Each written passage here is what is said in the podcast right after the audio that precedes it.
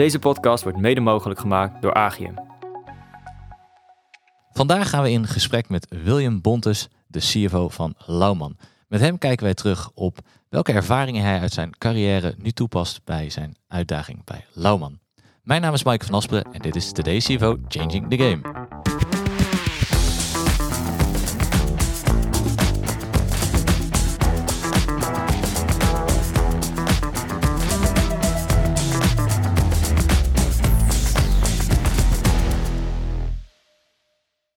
Welkom William, leuk dat je er bent. Dankjewel. Heb, heb je er zin in? Ik heb er heel veel zin in, uh, Michael. Uh, wel- erg leuk om te doen. Kijk, gaan we het redden in een uur? Dat ligt helemaal aan jou. Uh, Oh, oké. Ik eh, kan wel twee uur vol praten. Oké, nou dat gaat helemaal goed komen. En we gaan niet alleen eh, met jou in gesprek. Eh, naast jou eh, zit eh, Robert van Adrichem, een van de twee oprichters van Zeker. Agium. Welkom Robert, leuk dat je er bent. Ja, vind ik ook. Voor mij ook de eerste keer hier in, eh, in onze studio. Dus Ja. leuk om erbij te zijn en dit ook eens mee te maken. Nou, ook goed dat je er eh, bent. Nou, we gaan eh, een leuk eh, gesprek, denk ik, met, met elkaar hebben. En William, ik wil eigenlijk even bij, bij jou beginnen. Want ik gaf net aan, je bent de CFO bij, bij Lauwman. Maar wie is William verder? ja, ik ben eh, 53 jaar oud, Michael. Woon in Rotterdam.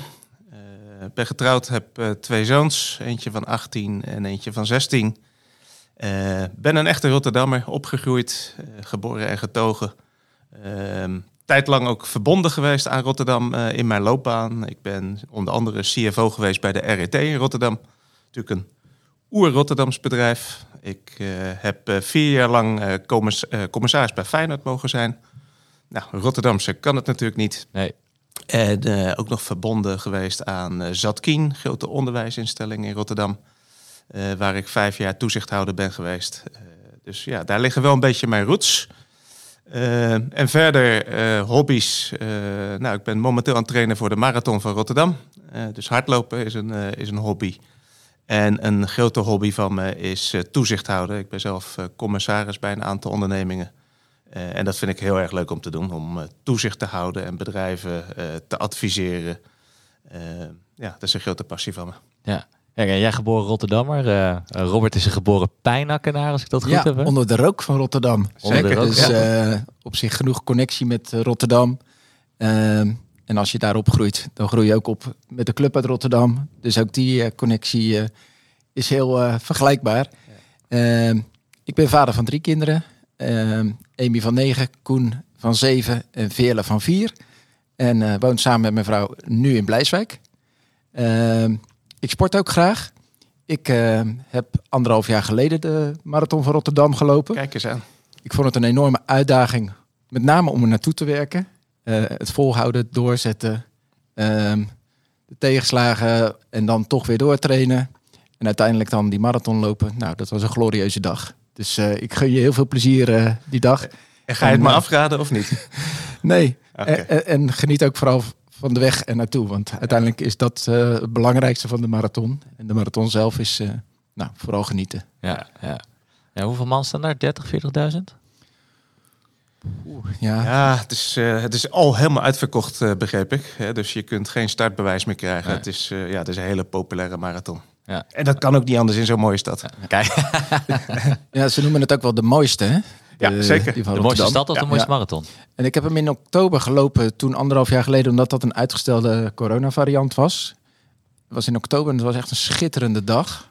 Ja, strak blauwe dag, een dag die ik nooit meer zal vergeten. Dus eh, ik hoop Ja, dat het voor jou net zo mooi wordt. eh, Het William. enige nadeel van de marathon van Rotterdam is dus dat je hem in april loopt. Eh, en dat betekent dus dat je in januari moet eh, starten met trainen. Ja, en dat is nou niet de fijnste tijd van het jaar om te starten met trainen. Hè. Dus het is donker donker, in de het is ochtend. koud, wind. Eh, maar goed, dat hoort er allemaal bij. Dat maakt hem denk ik eh, des te uitdagender. Ja, dan is, dan is straks het gevoel dat je het gedaan hebt nog, Precies. nog lekkerder. Nog Precies. eerlijker. Het gevoel Ja. van overwinning. Ja. Hey, en, eh, nee, je gaf al, je, je hebt ook best wel veel in, in, in, in, in Rotterdam gewerkt. Je hebt natuurlijk bij de RET heb je, gezeten. Maar daarvoor heb je ook bij GE en KPN Zeker, gezeten. Ehm, je bent bij KPN begonnen, toch? Niet begonnen, maar dat was wel wat meer in het begin van mijn loopbaan. Eh, heb eh, bijna vijf jaar bij KPN gezeten als manager control. Toen nog eh, van het mobiele bedrijf. KPN Mobile heette dat in die tijd. En daarna ben ik nog overgestapt naar het zakelijke segment van, van KPN. waar ik een hele mooie tijd heb gehad. Heel mooi bedrijf. maar dat is alweer een tijd geleden. Ja. ja, en toen ben je naar GE gegaan. Dat is voor velen kennen het bedrijf wel. Dat was natuurlijk wel een soort het, het, het, het, het summum van. Ja, nee, ik wou zeggen frictieloos werken. Ja. Dat klopt helemaal niet. Dat is iets, sorry, dat zit van ons in mijn hoofd. Dat, dat Ja, hebben dat- wij. Maar, Klopt helemaal. Ja. Ja. maar hoe, hoe ben je daar terechtgekomen? Ja, ik ben daar eh, terechtgekomen via een eh, executive search bureau. Eh, die benaderde mij of dat ik nou geïnteresseerd was in een vacature in Nederland bij GE. En nou, uiteindelijk een hele lange procedure geweest en ben ik het geworden. Ja, en in mijn tijd, hè, want dit is al inmiddels ook alweer 15 jaar geleden, was GE stond op nummer 1 in alle lijstjes ter wereld. Hè. Het was letterlijk de most admired company Ja. in the world. Hè, dus eh, nou ja, elke MBA-studie had wel een casus van General Electric. Eh, zo populair was dat bedrijf. Hè. Legendarisch. Een van de topmannen was natuurlijk Jack Welch. hè, heel bekend van alle boeken die hij heeft geschreven. Ja, en, en iedereen wilde daar eigenlijk werken. En ja, het is ook met veel pijn in mijn hart hè, dat ik af en toe moet constateren dat heel veel jonge mensen het bedrijf niet eens meer kennen. Dus eh, als je nu aan mensen vraagt, hè, wat zijn de mooiste bedrijven ter wereld, hè, dan kom je op eh, Google, en Ja. Walmart en Microsoft. En GE komt niet meer in die lijstjes voor. Ja, dat vind ik wel heel spijtig. En eh, kun je ook zien hoe hard veranderingen kunnen gaan. Hè? In, in 15 jaar tijd van een bedrijf waar iedereen wilde werken, tot nu een bedrijf wat niet heel veel mensen meer Ja. kennen. Ja, dat is echt heel bijzonder. Ja. Ja. En wat voor mensen nu een reden is om bij Google te gaan werken, dat was voor jou, de reden bij GE was te werken, dat het bedrijf was gewoon het. Ja, het de- voorbeeld. GE is een bedrijf die heel veel aandacht besteedde in mijn tijd aan, aan alles rondom mensen, cultuur en, en leiderschap. En ja, daar, daar werd gewoon ongelooflijk veel tijd in geïnvesteerd. hè. Dus ik, ik vergeet ook nooit meer het moment dat ik een echt een prachtige leiderschapsopleiding heb mogen doen eh, op het hoofdkantoor van GE. Eh, eigenlijk op de opleidingscampus in eh, Crotonville in, in Amerika. Ja, en daar krijg je gewoon twee weken lang alleen maar casussen over leiderschap en management games. En wie ben je nou eigenlijk en hoe werk je? Ja, dat is een prachtige ervaring. En ik moet heel eerlijk zeggen dat ik veel van die lessen die ik daar heb geleerd, wel heb meegenomen in de rest van mijn loopbaan. Om, ja, eh, eh, zo belangrijk als zij mensen maken en positioneren. Ja, dat was voor mij echt een, een levensles, eerlijk Ja. gezegd. Daar zullen we zo meteen nog wel even op terugkomen, eh, denk ik. Nou, het, het feit dat je zoveel aandacht voor mensen en een opleiding hebt, zal, zal Robert in ieder geval wel aanspreken. Ja, zeker. Dus eh, de thema's die je inbracht, eh, ja, die, die vormen de kern van ons, eh, van ons wezen bij Agium. Eh, mensen en eh, talent en talentontwikkeling. Ja, daar start het voor ons mee. Ja. Ja. Maar je, zelf ben je niet naar GE toe gegaan. Ooit overwogen of nooit over nagedacht? Nee, maar ik herken wel wat William zegt uit de boeken. Hè, en Jack Wells. Ehm, hè, als je een beetje in de managementboeken verdiept. En dat is een van mijn interesses dan ook weer. Ehm, ja, dan herken ik dat zeker. al die voorbeelden. En eh, ja, de, de mate waarin eh, GE toonaangevend eh, was. Ja, die is er nu helaas misschien dan niet meer zo op diezelfde manier. Nou, maar dat, dat kwam wel even bij mij op dat ik denk van ja, ik weet zelf eigenlijk ook niet meer in welke mate zij nu nog steeds toonaangevend zijn in een aantal dingen. Dus voor mij is het ook een beetje uit, uit beeld gegaan. En dat bevestigt eigenlijk wel een beetje wat jij zegt, dat het ja, blijkbaar een beetje naar de achtergrond is geraakt. En Ja, ik weet niet of dat terecht is. Nee, het is in ieder geval veel kleiner geworden, hè. zeker in Nederland. Eh, ja, het is, het is, heel veel mensen kennen het gewoon in Nederland eh, niet meer. Maar ik moet eerlijk zeggen dat ik ook niet weet, hè, mijn hele generatie die daar toen werkte, is ook vertrokken. En ik, ik weet er ook niet heel veel meer van. Nee. Eh, ik neem aan dat ze het gedachtegoed wat ze hebben ontwikkeld, dat dat nog wel bestaat. Eh, het zal in kleinere vorm zijn, maar dat zal niet zomaar weg zijn. nee, nee. En, en, en met jou en al die mensen is dat gedachtegoed natuurlijk ook wel over de wereld verspreid. Zeker, zeker. Ja. Ja, want je bent toen vanuit GE volgens mij naar de RET gegaan. Een compleet andere omgeving ineens. Van een super commerciële omgeving naar de overheid, toch Ja. een beetje? Ja, nou, semi-overheid. Se- ja, ja, semi. ja, maar dat klopt inderdaad. Eh, ja, voor mij was de aanleiding. Ik had eh, mijn laatste rol bij GE. eh, werkte ik in Nederland vanuit mijn thuiskantoortje. En was ik op reis door heel Europa. Ik had eh, eh, 31 landen in Europa waar ik verantwoordelijk voor was. En ja, ik was eigenlijk een rondreizend circus. Hè. Dus ik, mijn, mijn tas was mijn kantoor. En vanuit mijn huis ging ik bijna elke dag was ik wel in een ander land. of soms om de twee dagen. ja, dat, dat klinkt natuurlijk fantastisch. Dat, dat, is, dat is ook een hele mooie uitdaging. maar is ook wel heel zwaar. Ik had twee kleine kinderen toen. Ja, dat was fysiek heel zwaar. dus ik ging letterlijk s ochtends vroeg ging ik naar Schiphol en probeerde je zo vroeg mogelijk te vliegen, omdat je dan hè, nog een hele dag op kantoor ergens had. Ja. ja, en dan meestal met één of twee overnachtingen en dan weer terug en dan een dag thuis en de volgende keer weer naar een ander land. ja, dat was echt fysiek heel zwaar. En na een paar jaar, moet ik eerlijk zeggen, vond ik wel heel fijn om naar de RET te gaan, wat een heel mooi Rotterdamse bedrijf is natuurlijk, maar wat ook nog eens op eh, vier kilometer van mijn huis zat. Ja, en die combinatie, uh, daar heb ik nooit spijt van gehad, want ik heb daar echt een fantastische tijd gehad. Je kon op de fiets? Ik kon zeker op de fiets. Ja. Ik moet eerlijk zeggen, de keren dat ik dat gedaan heb, kun je op één hand tellen, maar het was mogelijk. Ja. En hoe was dat voor jou om dan vanuit de, de cultuur van GE uh, dan in de RET te landen? Is dat echt zo'n groot verschil als, hè, Michael duidde het al een beetje, hè, uh, of is het jou toen heel erg meegevallen en wordt het vaak uit zijn verband getrokken, die cultuurverschillen van dat, dat, profit en not for profit? Dat wordt uit zijn verband getrokken. Uh, ik, wat ik, me, hè, ik heb vijf jaar uh, bij de RET gewerkt en wat ik me daarvan kan herinneren is dat ik nooit echt hele grote culturele uh, aanpassingen heb moeten doen. En wat ik altijd vind, hè, en dat geldt ook nu bij, bij Lauwman, dat geldt in elke baan. In een organisatie moet je wat nieuws brengen. Je moet wat meenemen, wat van jezelf kunnen brengen.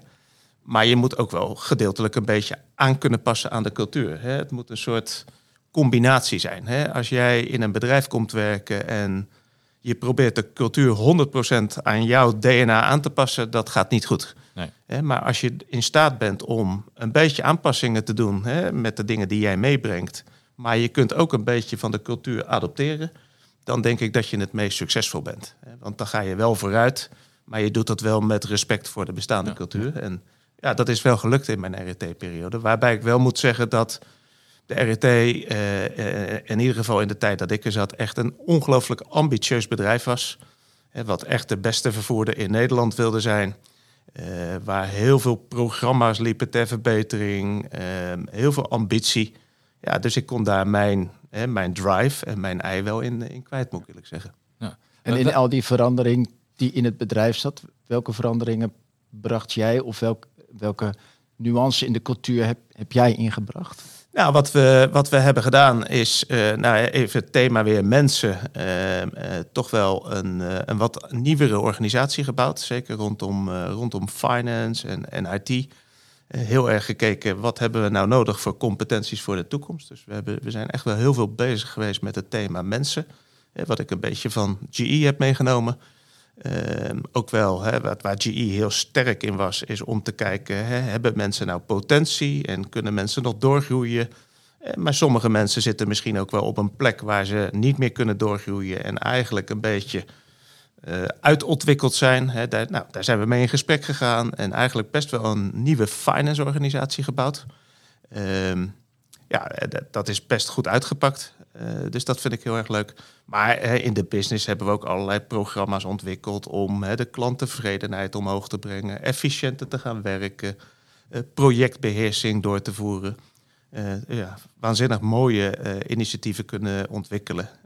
waardoor ik nooit last heb gehad van uh, de opmerking die jij net maakte, Michael, van de overheid. Heb ik eigenlijk nooit zo beleefd. En ik heb daar, nou, is misschien wel een van de mooiere banen in mijn loopbaan geweest. Ja. Zie je dan wel verschil tussen, tussen die twee organisaties? Dat je, klanttevredenheid is bij de RET bijvoorbeeld heel belangrijk. Dat dat een, een veel belangrijker stuurelement is bij een organisatie als de RET versus bijvoorbeeld een G, wat misschien wat meer financieel gestuurd is? Of... Ja, ja, dat zie je wel, uh, wel degelijk. Uh, uh, dus het, het, grote verschil eigenlijk wat ik in mijn loopbaan heb gezien tussen wat meer beursgenoteerde bedrijven, waar KPN er ook een van was, waar ik heb gewerkt, en de niet beursgenoteerde bedrijven, is echt die kwartaalfocus versus de langere termijn focus. Ja. dat zag je bij, nou, bij GE heel erg. dat het bedrijf is heel erg bezig met het komend kwartaal. En we moeten naar buiten. We hebben eh, eh, eh, een beurskoers die belangrijk is. dus daar ben je echt wel heel erg bezig met korte termijn. Terwijl een bedrijf als de RET, maar ik zal straks wat over Lauwman vertellen. Ja, die zijn veel meer bezig met de wat langere termijn. Ja. Waarbij de RET natuurlijk een hele maatschappelijke rol heeft. Hè, het vervoer in een grote stad als Rotterdam te regelen. Eh, is dat veel meer lange termijn gericht. Ja. En dat is echt een verschil. Ja. ja, dat is inderdaad wel een mooi stapje. Want je hebt dus de beursgenoteerde organisaties gehad. Je hebt eh, eh, semi-overheid gehad. En dan kom je bij, laten we dan even een stapje maken naar Lauwman toe. Ja. Het familiebedrijf. Ja. Waarbij ook weer hele andere gedachten zitten. Familiebedrijf, vaak lange termijn eh, en dergelijke. Hoe was die overstap? En wat, wat kwam je daar dan tegen? Ja, eh, eh, bij Lauwman echt een cultuur heb ik, eh, heb ik leren kennen waarin het niet, ook weer niet gaat over kwartaalresultaten. Hè. Dat is wel heel belangrijk en we, volgen hè, de hele onderneming op maandbasis en we hebben best wel een strakke planning- en controlecyclus. Maar ook zie je bij Lauwman, het is een bedrijf wat denkt in generaties en niet zozeer herkomend kwartaal. En ja, daar was ik inmiddels wel een beetje aan gewend, ook vanuit mijn RT-tijd.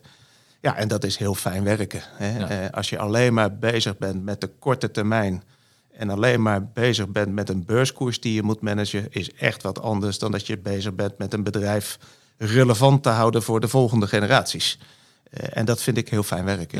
Ja. En dus was dat ook echt belangrijk voor jou in, de, in het keuzemoment om de stap naar Lauwman te maken? Nou, wat ik eigenlijk eh belangrijkste vind in, in, in, in een bedrijf voor mij persoonlijk zijn twee dingen. Eh, dat is de cultuur. Ik, ik vind een, een prettige cultuur, een veilige werkomgeving voor mensen, dat vind ik echt heel erg belangrijk. Dus een omgeving waar mensen zich thuis voelen, op hun gemak voelen. Ehm, nou, dat is Lauwman, is dat ten voeten uit. Hè. Het is een bedrijf wat, eh, wat heel erg staat voor mensen ook.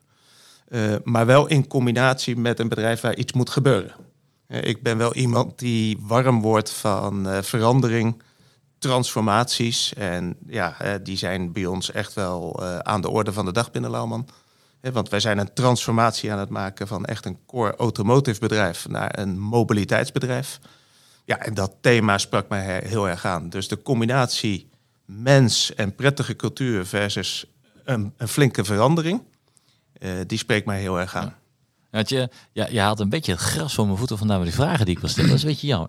Lijkt wel afgesproken. Maar de, de, de, ehm, de- om nog een beetje achtergrond van Lauwman eh, te geven. Want je, je zegt ja, een autobedrijf. Eh, nou, de autoliefhebbers zullen Lauwman ex Exclusive natuurlijk wel kennen. Ja. Langs de snelweg. Maar waar, waar, waar bestaat Lauwman allemaal uit? Wat valt er nou allemaal onder? Hoe groot is het? Ja. Ja, dat is een goede vraag. Want eh, heel veel mensen weten dat niet. Hè. Maar Lauwman, nou, we zijn een 100% eh, familiebedrijf. Eh, ons hoofdkantoor zit in, in Den Haag. En wij hebben eigenlijk heel veel verschillende activiteiten. En zo zijn we een, een bedrijf met een aantal importeursfuncties. Wij zijn in Nederland zijn we importeur van Toyota, Suzuki en, en Lexus. Eh, maar we hebben ook een, eh, een retailbedrijf, eh, waarbij we zo'n beetje 60 dealervestigingen in Nederland hebben. Met de belangrijkste merken daar ook weer Toyota, Suzuki, Lexus. Maar we zijn ook dealer van Mercedes en van Stellantis. Stellantis is het, het merk Opel en, en Peugeot onder andere, wat wij voeren. Maar we hebben ook Kia dealers. Eh, dus hè, we zijn een dealer. Eh, we hebben een leasemaatschappij in, eh, in Nederland waar we zo'n eh 35.000 eh, leasecontracten hebben. We zijn met name sterk in, in het particuliere segment met private lease. We hebben het Lauwman Museum, hè, waar Ja. menig, eh menig een wel eens is geweest. We hebben, en dat weten veel mensen niet, een belangrijke zorgtak. Dat noemen wij de care-divisie. Met als belangrijkste bedrijf, bekendste bedrijf ook eh, welzorg. Mhm. En welzorg levert eh, hulpmiddelen aan mensen met een eh, lichamelijke beperking. Dus dan moet je denken aan rolstoelen, scootmobielen, rollatoren. En die passen we ook aan, die maken we ook soms helemaal op maat. Ehm, en voor de rest zit Lauwman heel erg in de new mobility. En dat is eigenlijk onze nieuwe wereld. waar we tegenwoordig best wel een grote speler zijn in fietsen. Eh, via ons eh, bedrijf eh, Fietsvoordeelshop. Maar ook zitten we in deelauto's. we zitten in mobiliteitskaarten, in huurauto's. En dat is eigenlijk hè, het nieuwe domein, alles eh, op het gebied van mobili- eh, mobiliteit. En die, en die groei is voornamelijk gekomen door veel overnames die jullie gedaan hebben de afgelopen jaren. Ja, eh, wij zijn eh, met name de laatste jaren hebben we best inderdaad veel overnames gedaan. Zowel in het dealerbedrijf eh, als in die nieuwe mobiliteitswereld. Eh, dat klopt inderdaad. Ja. En eh, dat is zeg maar eh, de laatste zes, zeven jaar is dat eh, behoorlijk aan de gang. Ja. Is dat ook de manier om te groeien, omdat autonoom groeien heel uitdagend is? En dus door dit soort acquisities te doen, je bepaalde schaal kunt realiseren? Ja, kijk, autonoom groeien is natuurlijk eh, is ontzettend belangrijk en proberen we ook zoveel mogelijk te doen. Alleen als jij echt eh, in een nieuwe wereld wil stappen van mobiliteit, eh, met bijvoorbeeld fietsen, wat ik net opnoemde, of deelauto's, dan zul je dat toch moeten doen via partnerships of overnames. Autonoom is dat echt gelijk echt een stevige stap te maken. Ja, en een dat zijn ook andere competenties die je nodig hebt. En is echt een ander DNA. Dus dat hebben we inderdaad via eh, acquisities gedaan. Ja. Ja. En toen, en toen kwam jij binnen als CFO. Het lag, je, je noemde net al de transformatieagenda die er, eh, die Ja. er lag. Ehm, dan had je waarschijnlijk wat, een een 50, 60 tal bedrijfjes onder je en allemaal aan jou rapporteren. Of, of hoe zag die situatie eruit toen je er binnenkwam? Ja, de situatie was eigenlijk al eh, in, eh, in, in transitie, eh, waarbij er inderdaad in het verleden heel veel losse bedrijven waren. En net voor mijn komst waren die geclusterd naar divisies. Dus wij werken nu met een divisiestructuur. We hebben zes divisies waar al die bedrijven in geclusterd zijn. Elke divisie heeft een financieel directeur en een algemeen directeur. Eh, nou, de financieel directeuren die rapporteren aan mij. En dan hebben we op groepsniveau, op holdingniveau, hebben we nog eens een, eh, een groepsfinance team. Met een eh, manager group control, manager tax. we hebben een cybersecurity officer. We hebben een audit manager met een team. treasury, dus dat zit meer op groepsniveau. Ja. Eh, en daarmee eh, is de groep groot, hè, want eh Lauwman heeft een omzet van nou, zo'n beetje eh 2,3 miljard. Eh 3500 eh, mensen. Dus ja, daarmee is Lauwman echt wel een, ja, een van de grotere familiebedrijven in Nederland. Ja. En het is een complex bedrijf met veel verschillende activiteiten, verschillende culturen. En dat is best wel uitdagend om dat in controle te houden. Ja. De- deed je daarin iets denken aan, aan GE? Want die was natuurlijk ook best wel gediversificeerd qua activiteiten. Ja, nou zeker. Eh, eh, GE was natuurlijk echt in mijn tijd echt een, een conglomeraat. Hè, wat eh, actief was in de wereld van, van wekkerradio to- tot aan powerplants hè, in, in de energie en, en kerncentrales en koelkasten. Ja, en, Vliegtuigmotoren. vliegtuigmotoren, locomotieven. je kunt het zo gek niet bedenken of, of GE leverde dat. Ja, Lauwman is iets meer gefocust op mobiliteit, maar wel met inderdaad verschillende typologieën bedrijven en verschillende culturen. Ehm, en, en als CFO moet je dan ook wel zorgen dat je het ook decentraal inricht. Dus wat, wat ik geprobeerd heb om te doen, is nou, goede mensen te hebben op, op de divisies in de finance teams. Ehm, en, en ook daar wel een grote mate van zelfstandigheid te laten. Eh, nou, eh, ja, Lauwman is zo groot. In mijn werk kan ik het me niet voorloven om in detail met, met al die divisies te bemoeien. Dus je moet daarbij wel in staat zijn om goed te delegeren, kaders te schetsen, kaders neer te zetten en, en goede mensen te vinden die binnen die kaders kunnen opereren. En je ook weten te vinden hè, als er wat aan de hand is. Ja. En dat heb ik wel van GE geleerd. Ja. En, en goede mensen wordt natuurlijk vaak gezegd, dat, dat horen wij natuurlijk ook vaak. We hebben goede mensen nodig. Maar wat maakt, het, wat maakt dan een persoon geschikt om die financieel verantwoordelijk van zo'n divisie te zijn? Waar kijk je dan naar? Ja, ik kijk met name eh, naar mensen met, met drive en, en passie. Hè. Dat, dat vind ik belangrijk. Eh, mensen die, eh, nou, die, die zin hebben om, om een uitdaging aan te gaan. En ja, die het leuk vinden om eh, veel energie erin te stoppen en eh, de organisatie beter te maken. Daar word ik heel erg warm van. Eh, dus ik, ik kijk heel erg meer naar de, de persoon. Wat voor persoon ben je? En dat vind ik eigenlijk nog belangrijker dan, nou, hoeveel opleiding heb je gedaan? Hè, natuurlijk is dat, dat is hygiëne, dat moet ook.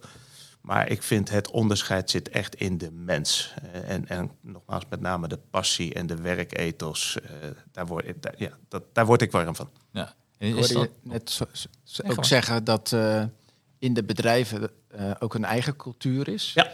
Ehm, dus de Lauwman-cultuur is misschien een, een, een hoog over uitgangspunt hè, van veilig en prettig werken met elkaar. Ja. En daar geeft ieder, on, iedere onderneming zijn eigen verdere invulling aan. Ja. Kijk je daar dan ook naar bij hoe iemand daar dan op aansluit op de specifieke uh, cultuur van de werkbedrijven? Ja, dat is een hele goede vraag. Uh, want die cultuur is echt heel anders. Hè. Ik zei net, we hebben bijvoorbeeld een dealerbedrijf. Nou, daar werken 1500 mensen hè, in onze dealervestigingen. Ja, de mensen in het dealerbedrijf is echt een andere cultuur dan bijvoorbeeld de mensen in ons carebedrijf, in ons zorgbedrijf. Hè. En ik heb heel erg veel uh, uh, met uh, de kleurenprofielen. Daar doe ik ook heel veel mee. Hè. Sommige mensen kennen dat, de insightsprofielen.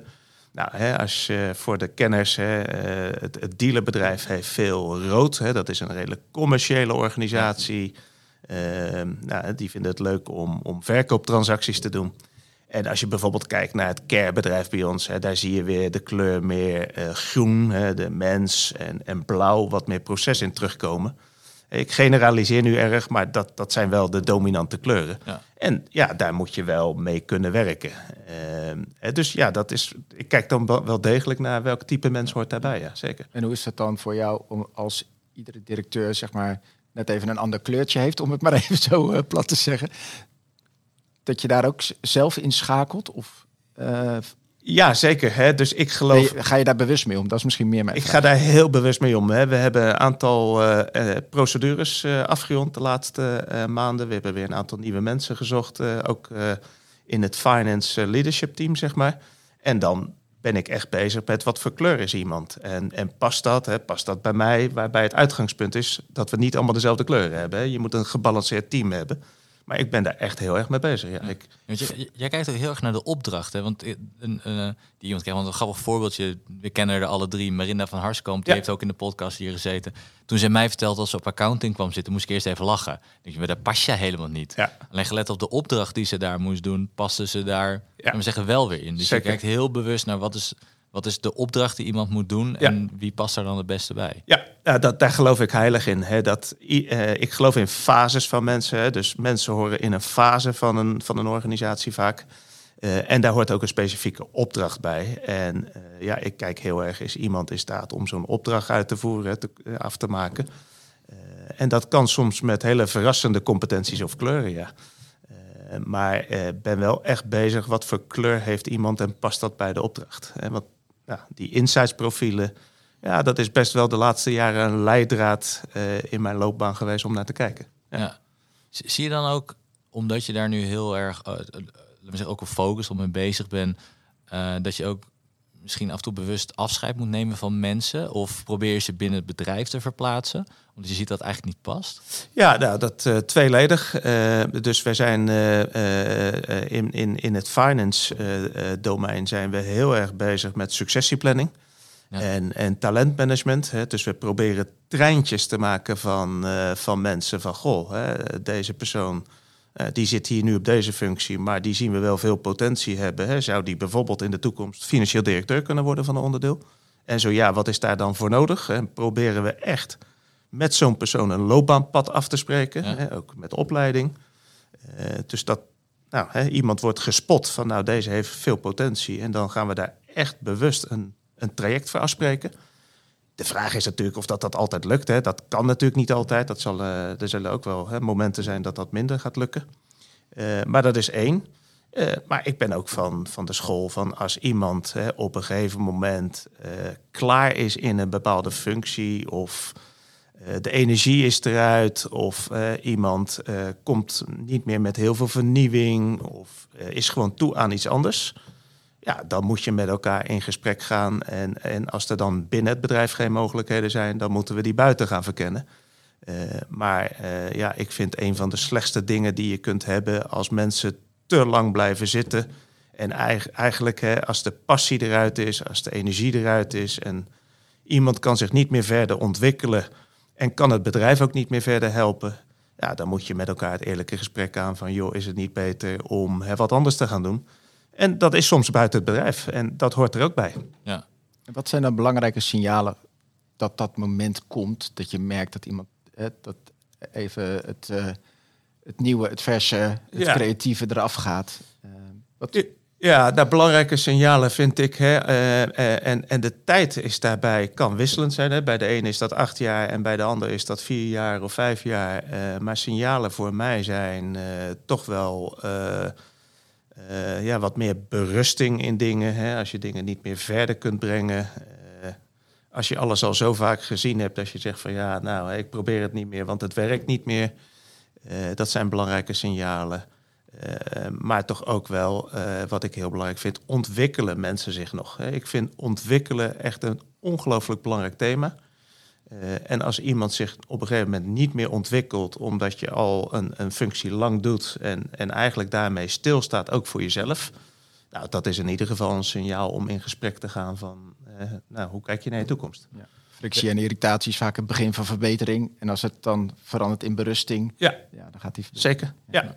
En, en, als je dan over verbeteren, ben je dan van de Mark Lammers school in de zin van ik ga van die 8 en 9 maken? Of, of ben je van de schoolschool, ik ga van een 6 en 7 proberen te maken? Nou, een 8 en 9, uh, dat is niet altijd nodig. Uh, dat, dat vind ik niet. Uh, ja, dat, dat is gewoon niet altijd nodig in ons bedrijf. ik vind de 6 en 7 belangrijker. ik vind de 8 hartstikke goed. En ja, is niet per se nodig om dat nou op te rekken. Eh, in topsport is dat soms nodig. Uh, nou, in, in veel finance functies, denk ik, is het belangrijker van een 6 naar een 7 te gaan. Ja, ja, ja. Wat, dat vind ik interessant, want je hoort ook wel eens mensen zeggen... ja, de mensen die goed zijn, die krijgen vaak dan niet meer de aandacht. Terwijl de mensen die minder goed functioneren, daar wordt heel veel op gefocust. Ja. Uh, hoe kijk jij daarnaar? Ja, dat, Even terugkomend op wat je net vertelde. Ja, dat, dat, daar, ben ik, uh, daar ben ik geen voorstander van. En wat ik uh, echt bij GE heb geleerd, uh, dat is misschien wel aardig. Hè. GE deed heel veel aan het in kaart brengen van de hele potentie van de organisatie. En dat, dat deden we in, dat is een bekend fenomeen inmiddels. Hè. Dat, zijn, dat heet de Nine Blocker of de Nine Grid, waarin iedere medewerker wordt geplot op twee assen. Uh, as 1 is uh, wat is je performance? Hoe doe je het in, je, in het bedrijf? En de andere as waar iemand op wordt geplot, uh, dat is dan hoeveel potentie heb je? heb je potentie om nog door te groeien naar een, een, een zwaardere functie of naar een andere functie? En de assen die het meeste aandacht bij GE kregen, dat waren altijd, of de kwadranten moet ik zeggen, waren er altijd twee. Dat was de onderste kwadrant. Dat waren mensen met een lage performance en een lage potentie. Uh, dus dat zijn eigenlijk hè, dat zijn de mensen die ja, aandacht behoeven, omdat dat uh, mensen zijn met een, met een zorg. Uh, en de bovenste kwadrant, dat, waren, dat, dat zijn eigenlijk mensen met een hele hoge prestatie en een hele hoge potentie. En die noemden we binnen GE de, top, de toptalenten. Uh, en beide moet je heel veel aandacht aan besteden. Hè. Je toptalenten in het kader van successieplanning en doorgroeien. Uh, en, en dat onderste kwadrant, hè, mensen moeten misschien naar een andere plek toe of hè, misschien naar een andere organisatie toe. dus beide assen heel duidelijk vergt heel veel aandacht. en dat heb ik daar wel geleerd. Dus nee, mijn energie gaat zeker niet alleen naar de, naar de onderste kant. met name juist misschien wel meer naar die toptalenten. Want dat, blijkt ook uit de successieplanning. Ja, dat is je successieplanning. En uh, ja, wat ik heel graag wil, hè, is dat we een organisatie bouwen waar het talent van, uh, van morgen aanwezig is. En uh, waarbij ook mensen, waarbij de organisatie minder afhankelijk wordt van individuen, omdat de generatie die daarna komt alweer klaar staat. Hè. Dus je wordt ook minder kwetsbaar. en dat vind ik heel erg belangrijk. Want ook in, in, die, in, die, in die reis die je dan uh, aan het maken bent, want je had het ook over, je bent met successieplanning bezig, je bent met in kaart brengen van hoe de organisatie in elkaar zit. Dat is even aan de, even de, de softe kant uh, ja. uh, benoemen. Aan de andere kant heb je ook een aantal dingen moeten doen bij Lauwman om, om zaken centraal te trekken of misschien sommige dingen weer wat decentraal te doen. Wat heb je daar dan allemaal gedaan aan, aan proceskant uh, en ja. structuur? Ja, dat is, een, dat is een leuke vraag, want wij hebben een, eh, een heel mooi programma uh, in het leven geroepen. En dat was eigenlijk uh, net toen ik binnenkwam. Dat programma heet Toonaangevend in Finance. en die is een beetje afgeleid, die titel, vanuit onze, onze visie is dat wij uh, toonaangevend willen zijn als Lauwman in mobiliteit. Ja. Uh, nou, toonaangevend in finance heb ik daar uh, een beetje van af kunnen leiden. En dat is een, best wel een groot transformatieprogramma, waarbij we met elkaar hebben gezegd drie jaar geleden, wij willen de financiële functie van Lauwman willen we drastisch gaan veranderen. Uh, en die moet veranderen uh, uh, op, op, eigenlijk op twee gebieden. de financiële functie moet gewoon een veel grotere impact hebben in het bedrijf. Met veel meer finance als een business partner, als een strategische functie. En twee, we willen de, de financiële functie willen we op het gebied van processen en accounting en systemen willen we veel meer geautomatiseerd maken met minder mensen en tegen lagere kosten.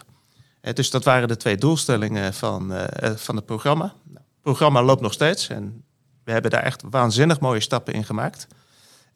En daar zijn we nog steeds mee bezig. Hoe ver ben je nu voor je gevoel daar? Ja, ik denk dat is een goede vraag. En die hebben we toevallig pas ook in ons team besproken. het is moeilijk om het exact te meten, maar gevoelsmatig over de helft.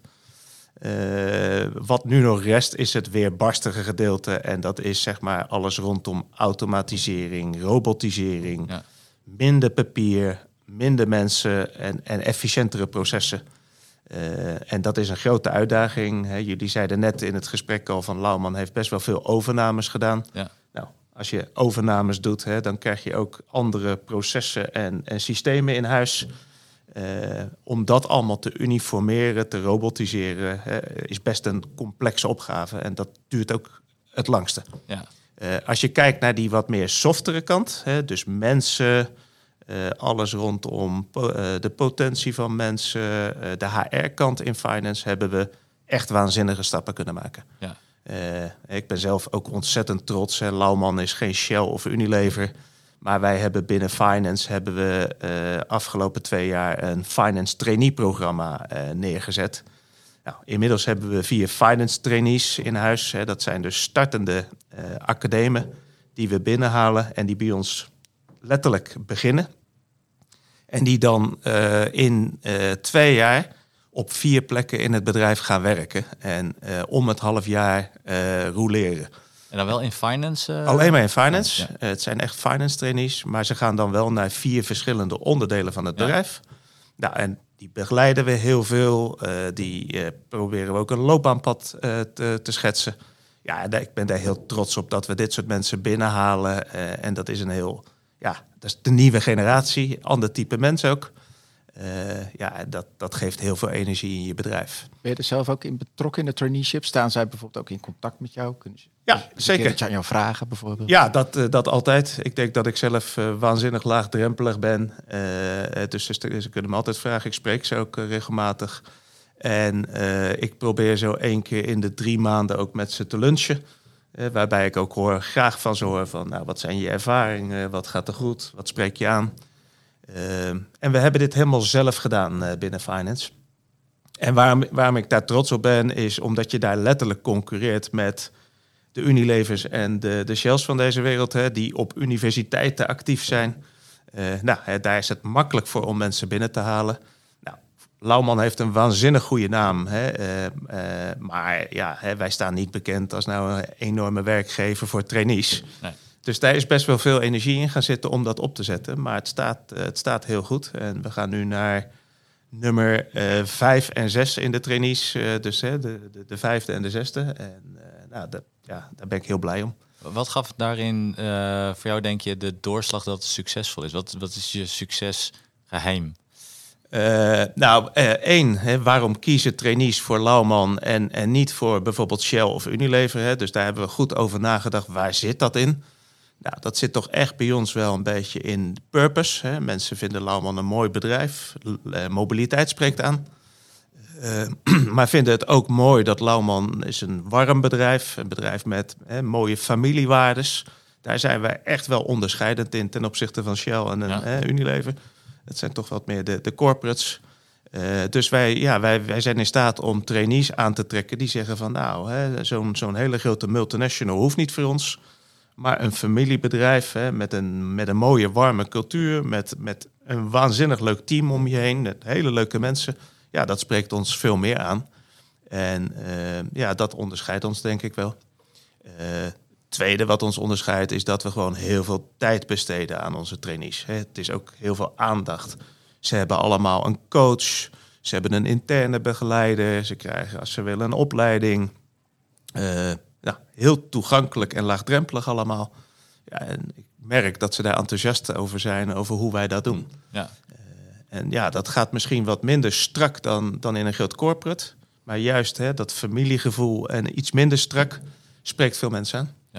Ja. Ik hoorde je net zeggen eh, iets over eh, benaderbaarheid. Ja. En eh, als coach, sparringpartner begeleid ik een aantal CFO's. En ik had het pas ook met iemand over benaderbaarheid en de mate waarin mensen bereid zijn om feedback te geven. Ja. En hij zei ook van ja, ik, ik ben heel laagdrempelig, ehm, maar toch merk ik dat, dat ik niet altijd alles terugkrijg. Hè? En ik heb het zelf ook meegemaakt dat ik zeg, van, goh, nou ben ik heel laagdrempelig, staat mijn deur liefst zoveel mogelijk open, maar toch komt niet iedereen binnen. En toen zei iedereen ook van ja, je bent zelf al laagdrempelig, maar mensen ervaren je toch uiteindelijk als de directeur van Agium. En toen, ja, dus dat mezelf dat realiseren van ja, ik zie mezelf als laagdrempelig, maar voor andere mensen is het misschien anders.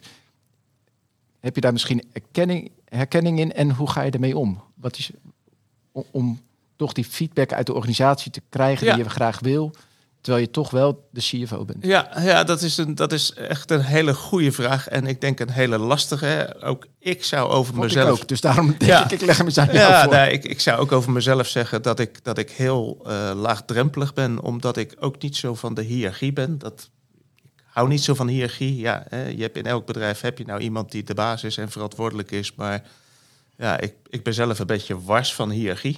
Ik heb daar gewoon niet zoveel mee. eh, dus ik denk dat ik daarmee laagdrempelig ben. Ehm, het is ook hoe je met mensen omgaat. Hè. Stel je je formeel op. Nou, hè, als ik ook al lunch ik met trainees. Denk dat ik dat heel laagdrempelig doe. Ehm, eh, en ik, wat, wat daar heel belangrijk bij is, is om ook hè, als je kritiek hoort eh, of feedback hoort, ga daar gewoon op een, op een goede manier mee om. Hè. Stel vragen in plaats van te gaan verdedigen hè, of gelijk eh, geïrriteerd te raken. Dat heb ik helemaal niet. Ik denk dat ik daar heel goed mee kan omgaan. Eh, ja, ik denk dat die mix hè, tot laagdrempeligheid leidt. Op wel- welke manier voel je die erkenning daarvan? Want, want wat Robert net ook zei van, je kan het zelf vinden. Ik kan mezelf ook heel aardig vinden. Maar het kan best zijn dat mensen mij niet zo aardig vinden. Hoe, hoe krijg je die erkenning daarvan, dat je dat laagdrempelige? Ja, nou, ik heb in mijn, in mijn hele loopbaan heb ik best wel veel eh, onderzoeken gedaan. Hè, de, de 360 graden feedback. Ik heb eh, nou, ook hè, kleurenprofielen waar we het net over hebben, hadden gedaan. Ja, ik heb nooit eh, daaruit teruggekregen dat ik, eh, dat ik dominant ben of, of autoritair ben. Hè. Ook uit, uit 360 graden feedback. Ehm, en ik probeer ook altijd veel verantwoordelijkheid bij mensen zelf neer te leggen. Hè, dus eh, mijn stijl is ook wel, ik, ik hou de verantwoordelijkheid daar waar die hoort.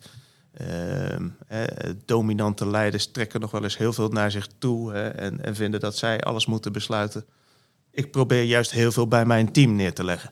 Hè, en ik denk dat daarmee ook wel een stuk laagdrempeligheid ontstaat. En ik hoor je zeggen dat je zelf ook het initiatief neemt naar mensen om met ze te gaan lunchen. Zeker. Eh, Ja. wat, eh, wat ze andersom misschien niet zo makkelijk zouden vragen, dat je zelf dat initiatief neemt. Ja. En op die manier dan ook eh, dat gesprek op gang brengt. Ja. Ja, en ik denk dat het ook in kleine dingen zit. Als hè, bij een afdelingsborrel gewoon een keer zijn en, en ook gezellig een biertje meedrinkt. Eh, ja, ik wil absoluut niet hè, dat ik in een ivoren toren ergens zit. Ja, ik ben een onderdeel van het team. Heb, En- heb je wel eens feedback van iemand gekregen waarvan je dacht van, oeh, dat had ik me niet gerealiseerd? Waar je verrast was? Nee, om, nee niet verrast. Eh, de meeste dingen herken je wel, zeker omdat ik echt in, overal waar ik heb gewerkt heel veel tijd besteed aan elkaar feedback geven, eh, eh, allerlei assessments doen. Ja, dus op een gegeven moment zie je wel in je loopbaan een bepaald patroon van nou, zo ben ik en dit zijn mijn kenmerken. Dus eerlijk gezegd, nee, dat, dat is niet meer verrassend. Nee, omdat ik er echt heel veel aandacht aan besteed. Ja. En wat is nou die rode draad? Want dat ga ik een beetje prikken Ja, natuurlijk. Wat mag. is nou die rode draad waarvan je zegt, hè, vervelend, ik weet het van mezelf, maar ik, ik, het blijft voor mij een ontwikkelpunt en een uitdaging om me daar verder in te brengen. Ja, nou, dat, eh, dat is, dat is eh, eh, geduld. Ik, ik ben zelf, als je naar mijn profiel kijkt, heel erg rood. Eh, rode mensen hè, met een rood profiel, die, eh, die zijn heel resultaatgericht. Eh, willen doelen realiseren, hè, willen resultaten zien. Ehm, zijn ook wat, wat korter in hun communicatie. Dus dat herken ik bij mezelf wel in, in mijn communicatie. Kom ik zo nog op hè, hoe je ook in boardrooms communiceert. Maar in mijn communicatie, ik ben heel erg to the point. Eh, kort, hè, als je het eh, op één sheet kan zeggen, eh, doe dat dan vooral en, doe er niet twintig. Ja. Ja, dat vindt niet iedereen fijn om, om zo te werken. Hè. Er zijn gewoon mensen die hebben wat meer tijd nodig om hun punt te maken.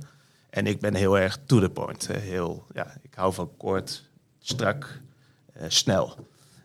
Ja, en dat, dat, dat, bij sommige mensen is dat soms moeilijk. Maar dat is wel mijn rode draad en ook wel mijn verbeterpunt hè, soms bij mensen die daar wat moeilijker mee kunnen omgaan. Hè. Mensen die dat ook fijn vinden, dat schakelt natuurlijk heel snel.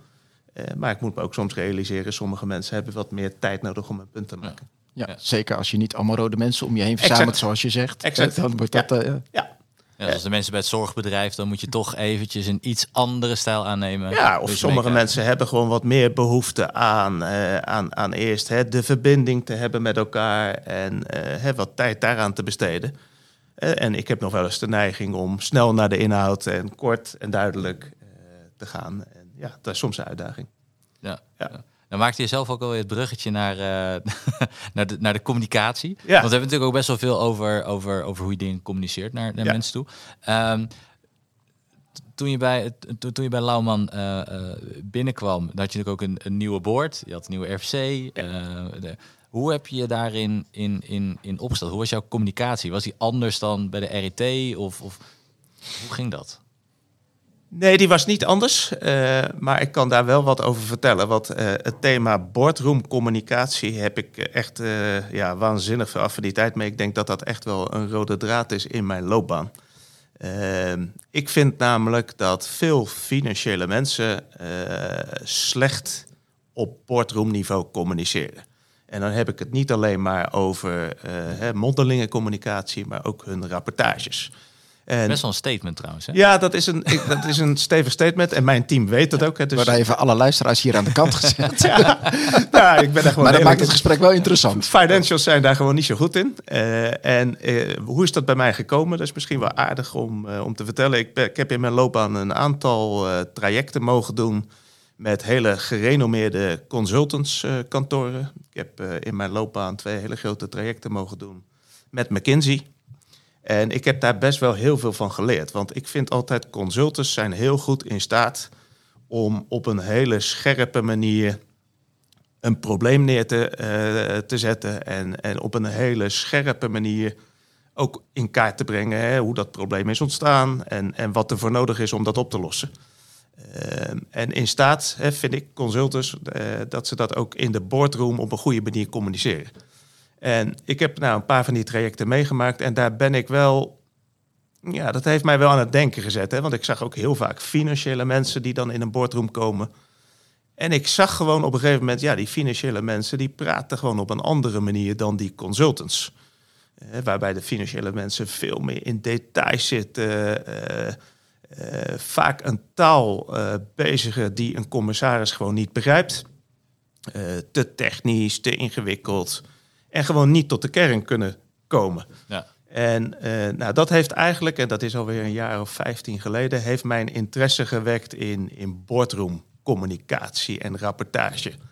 En er zijn ook allerlei boekjes over geschreven. En waar ik heel erg enthousiast ben, over ben, is het thema eh, eh, Pyramid Principle. Dat is een, eh, een methode, er is ook een boekje van.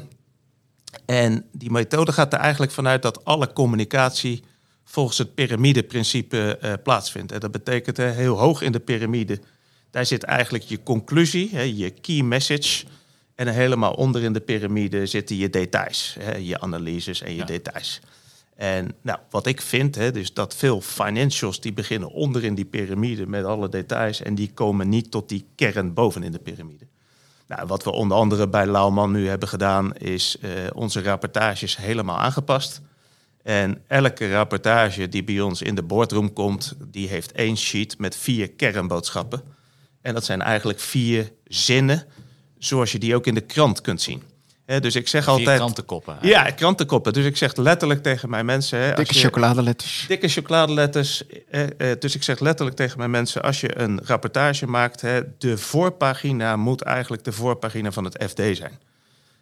hè, waarbij als je de titel hebt gelezen, de titel van het FD, eerste pagina, dan moet je eigenlijk al een gevoel hebben, waar gaat dit over?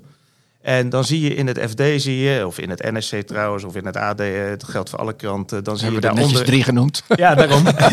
Eh, daar zie je daaronder een soort subtitel vaak, eh, met nog iets meer detail. En dan zie je soms in de kantlijn staat er een soort executive summary'tje eh, met eigenlijk de kern van het artikel. En nou, als ik ochtends wel eens druk ben en ik heb geen tijd om het hele eh, FD te lezen, dan lees ik eigenlijk alleen die drie dingen: de koppen, de subkoppen en, en de samenvatting. En dan weet je genoeg. En zo hebben wij tegenwoordig al onze rapportages ingericht. Eh, waarbij eh, het in een dergelijke taal staat dat iedereen dat begrijpt. Hè? Dus ook een commissaris die misschien niet dagelijks in het bedrijf zit, gewoon een gevoel heeft van ja, hoe doet het bedrijf het? Maar ook een divisiedirecteur? Alles. Al onze rapportages zijn zo ingericht met, eh, eh, met eh, samenvattingen, key messages. En dat was niet zo. Hè? Dus de rapportages bij ons waren echt heel veel detail, heel veel ja, rapportages zonder conclusie. Hè? Dat je zelf de conclusie erbij moest gaan bedenken. Hè? Ja. Van, nou, ik geef mij mijn eigen interpretatie eraan. En daar hebben wij echt wel veel tijd aan besteed om, om die rapportages te versimpelen. Nou, en ik zie, hè, ik En op zelf- basis van urgentie kun je downdrillen tot het detailniveau Exact. wat je... maar ik zeg altijd tegen de mensen: zorg dat je alle details ook hebt. Hè. Dat is dat piramideprincipe, Ja. dat zit onderin. Stop die vooral in de bijlagen van je rapportages, hè. alle details. Maar je begint helemaal bovenaan in de top van de piramide. Maar dan moet je eigenlijk wel weten ehm, wat er. Je moet je organisatie goed snappen om dan te weten wat die key messages zijn. Ja, maar daar zit nou juist de crux. Hè? Dus eh, als jij nou financieel directeur bent, of je bent controller, of je bent business navigator, dan moet jij, vind ik, in staat zijn om in één slide of in één minuut te kunnen uitleggen wat is hier nou aan de hand. Hè? Gaat het nou goed of gaat het niet goed? Waar moet ik me zorgen om maken? En veel financials is mijn ervaring, en ik praat niet over Lauban, maar in mijn hele loopbaan. Dat laatste stukje zijn veel financials niet toe in staat om echt tot de kern op een simpele en eenvoudige manier die analyse te maken en die conclusie te trekken. Maar komt dat dan omdat ze eh, het businessmodel en het bedrijf niet snappen? Of komt het omdat ze een vertaling niet kunnen maken? de vertaling niet kunnen maken naar boardroomniveau. Hè. Eh, nou, ik ben zelf commissaris bij een aantal ondernemingen. Eh, nou, een commissaris hè, die vergadert misschien zes, zeven, acht keer per jaar en loopt niet dagdagelijks rond in dat bedrijf. Nee. En dan moet je, vind ik, als controller of als CFO kunnen eh, in de taal van een commissaris is, is anders dan als jij dagdagelijks in een bedrijf zit. En als je die vertaalslag niet kan maken, hè, door het eenvoudig te maken, door het eenvoudig te presenteren, ja, dan raak je je publiek kwijt. Is Misschien een lastige vraag, maar kun je daar eens een voorbeeld uithalen om het iets concreter te maken? Hoe die taal anders is en hoe je het dan goed aansluit op die belevingswereld van die commissaris?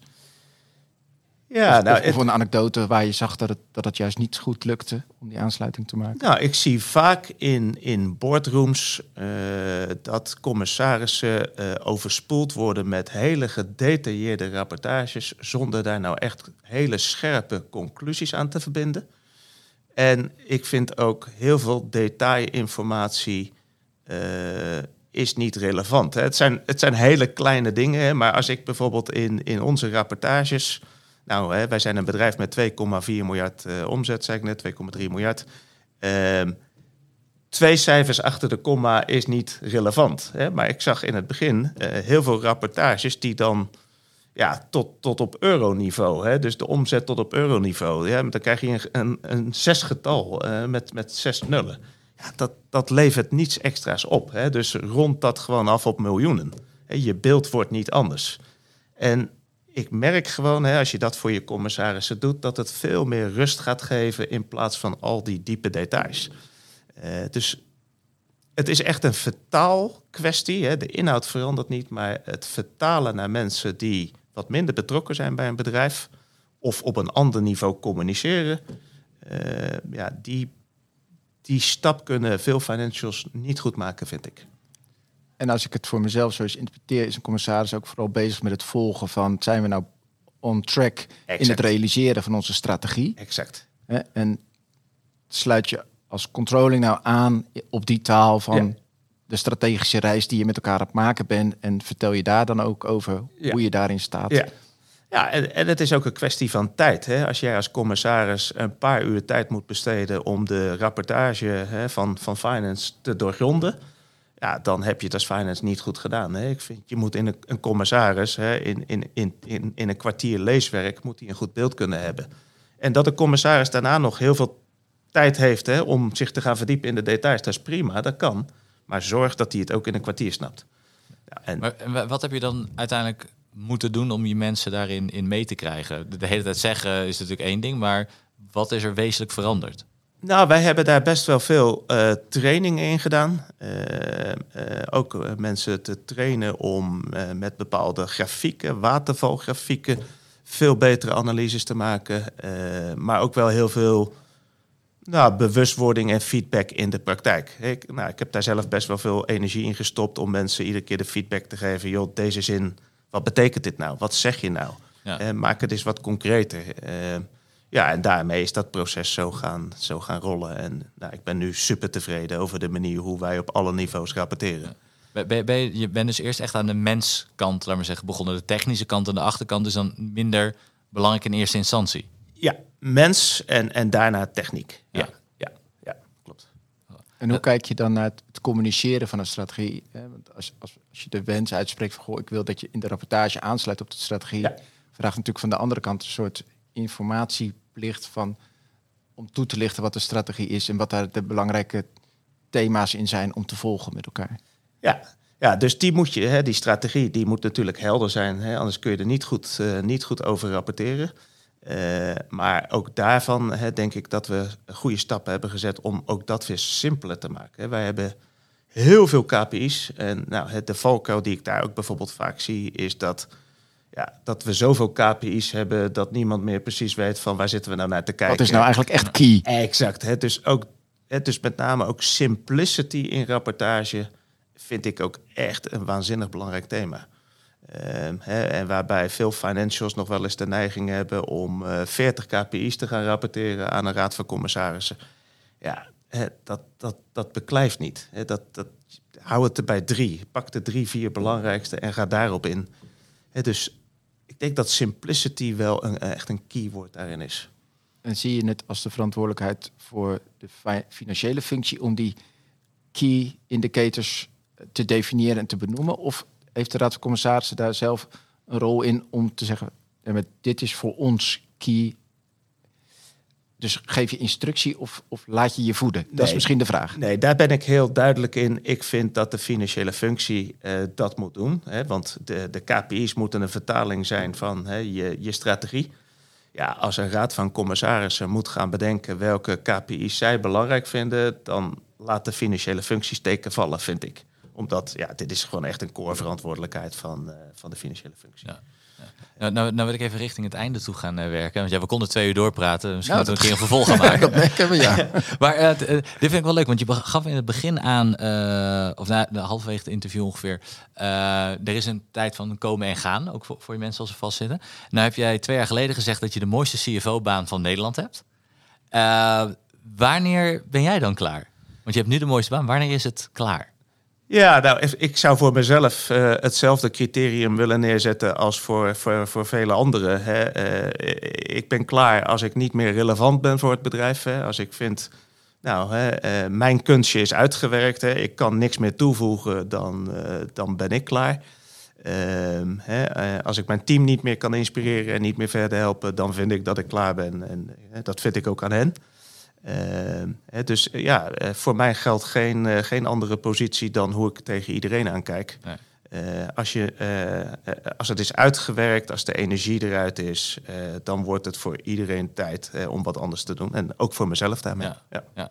Ja. Geen uitzondering. Nou beluister ik nog even dat, je, dat ik niet het gevoel heb dat dat moment voor jouzelf nu al gekomen is. Wat zie je dan als belangrijkste uitdaging dan nu op een jaar, twee jaar vo- vooruit? Ja, nou, Michael stelde net de vraag, hè, hoe ver zijn jullie in het programma? Hè, eh, toonaangevend in finance. En toen gaf ik aan, zo, nou, ik denk dat we zo op 60% zitten. Eh, nou, mijn belangrijkste uitdaging zit hem in, eh, in, in eh, dit programma af te maken. Hè, en dat zit met name nu eh, de focus in die efficiency, in processen, in systemen. dus die stap moet zeker nog gezet worden. het zit hem in het houden wat we hebben ontwikkeld afgelopen periode. Want we hebben hele mooie dingen neergezet. Hè? Dat talentprogramma, traineeprogramma. Maar nou, soms krijg ik wel eens de angst van ja, maar het mag niet weg Hè? Dus uh, hoe houden we het nou vast? Hè? Dus het vasthouden, het laten. Evalueren. Ja, evalueren. Maar ook het laten beklijven in de organisatie vind ik heel belangrijk. Uh, in combinatie met hè, die 40% nog afmaken, dat zie ik echt wel als een, uh, als een belangrijke next step. Ja, en inderdaad, ik ben zeker nog niet klaar in mijn huidige rol. En uh, het programma is ook nog niet klaar en ik ook niet. En volgens mij, eh, maar dat is mijn eigen conclusie en interpretatie, denk ik dat ik nog steeds relevant kan zijn. Heb ik nog steeds veel energie en uh, probeer ik die ook aan mijn team te geven. Ja, ja. Nou, we gaan over, over twee jaar stellen we de vraag gewoon nog een keer. Kijk hoe ver je dan staat. Helemaal goed. Ik wil je hartelijk danken voor, uh, voor je openheid en, uh, en je tijd. Leuk dat je hier aan mee wilde werken. Ik hoop dat je het zelf ook uh, heel graag gedaan. Ja, mooi. Erg leuk om te doen. En Robert, leuk om, uh, om jou er ook bij te hebben. Zeker. Weer, weer even een andere dynamiek, ook goed. Ja. En uh, ik hoop je de volgende keer weer te, te mogen ontvangen. Ben erbij. Mooi. Dankjewel, Michael. Jullie ook, dankjewel. En jij Robert. Vond je dit nou een leuk gesprek en wil je meer verhalen horen van CFO's? Volg ons dan op ons Agium kanaal.